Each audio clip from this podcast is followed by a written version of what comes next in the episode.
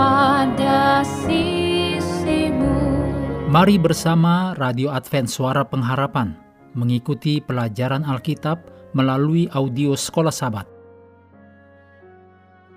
Selanjutnya kita masuk untuk pelajaran Minggu 23 Juli. Judulnya Dibawa dekat dengan Kristus. Mari kita mulai dengan doa singkat yang didasarkan pada Roma 15 ayat 33. Allah sumber damai sejahtera menyertai kamu sekalian. Amin.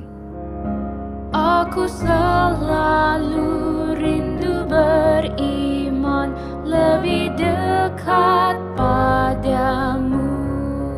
Efesus 2 ayat 1 sampai 3 adalah gambaran awal Paulus tentang masa lalu pembacanya, khususnya orang bukan Yahudi, yaitu tanpa sunat lahiriah.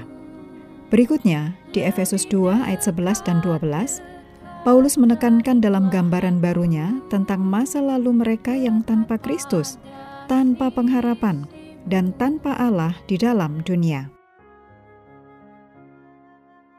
Orang-orang bukan Yahudi yang sekarang percaya kepada Kristus dan menjadi anggota dari tubuhnya, yaitu gereja, benar-benar pernah terpisah dari Israel dan keselamatan yang ditawarkan Allah.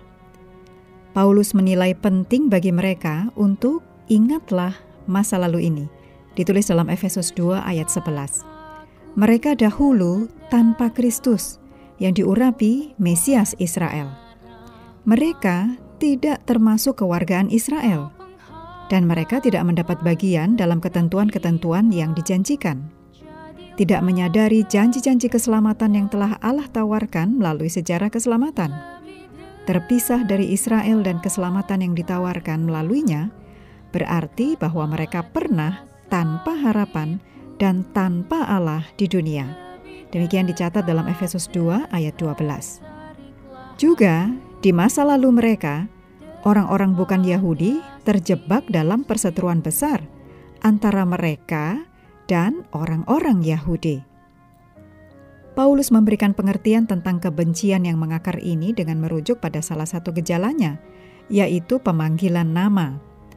Orang-orang Yahudi menyebut orang-orang bukan Yahudi dengan cemoohan sebagai orang-orang yang tidak bersunat, dan orang-orang bukan Yahudi menyebut orang-orang Yahudi dengan penghinaan yang sama sebagai orang-orang yang bersunat. Ditulis dalam Efesus 2 ayat 11. Namun, dalam Efesus 2 ayat 13, itu menunjukkan sesuatu yang sangat berbeda sekarang. Paulus menulis, "Tetapi sekarang di dalam Kristus Yesus, kamu yang dahulu jauh sudah menjadi dekat oleh darah Kristus." Ketika Paulus menggambarkan orang percaya bukan Yahudi dahulu pernah jauh dalam tanda kutip, dia meminjam dari Yesaya 57 ayat 19. Damai, damai sejahtera bagi mereka yang jauh dan bagi mereka yang dekat, firman Tuhan. Aku akan menyembuhkan dia Istilah jauh ini adalah yang sama yang digunakan dalam Efesus 2 ayat 17 dan 18. Di dalam Kristus dan melalui salibnya, orang-orang percaya bukan Yahudi telah dibawa dekat kepada Allah, pengharapan, dan saudara-saudari Yahudi mereka, di mana sebelumnya mereka terpisah. Inilah kabar baik yang sangat berkuasa yang tersirat oleh penjelasan Paulus – yaitu salib Kristus dapat menyembuhkan keretakan yang lebar antara orang Yahudi dan bukan Yahudi, dan berarti bahwa semua permusuhan dan perpecahan kita dapat diselesaikan di salib Kristus. Kabar baik ini mengundang kita untuk melihat kepada perpecahan yang ada dalam hidup kita sendiri dan dalam gereja, dan merenungkan bahwa kuasa salib dapat menghapuskan perpecahan itu. Dari kondisi apakah Yesus menebus kita? Sangat penting bagi kita untuk mengingat di mana diri kita berada saat Yesus menemukan kita, dan di mana diri kita sekarang jika Yesus tidak menemukan diri kita.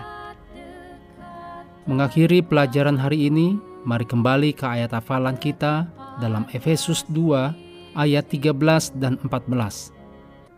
Tetapi sekarang di dalam Kristus Yesus, kamu yang dahulu jauh sudah menjadi dekat oleh darah Kristus. Karena dialah damai sejahtera kita yang telah mempersatukan kedua pihak dan yang telah merubuhkan tembok pemisah, yaitu perseturuan. Kami terus mendorong Anda bersekutu dengan Tuhan setiap hari, bersama dengan seluruh anggota keluarga, baik melalui renungan harian, pelajaran sekolah sahabat, dan bacaan Alkitab sedunia, percayalah kepada nabi-nabinya yang untuk hari ini melanjutkan dari Mazmur 78.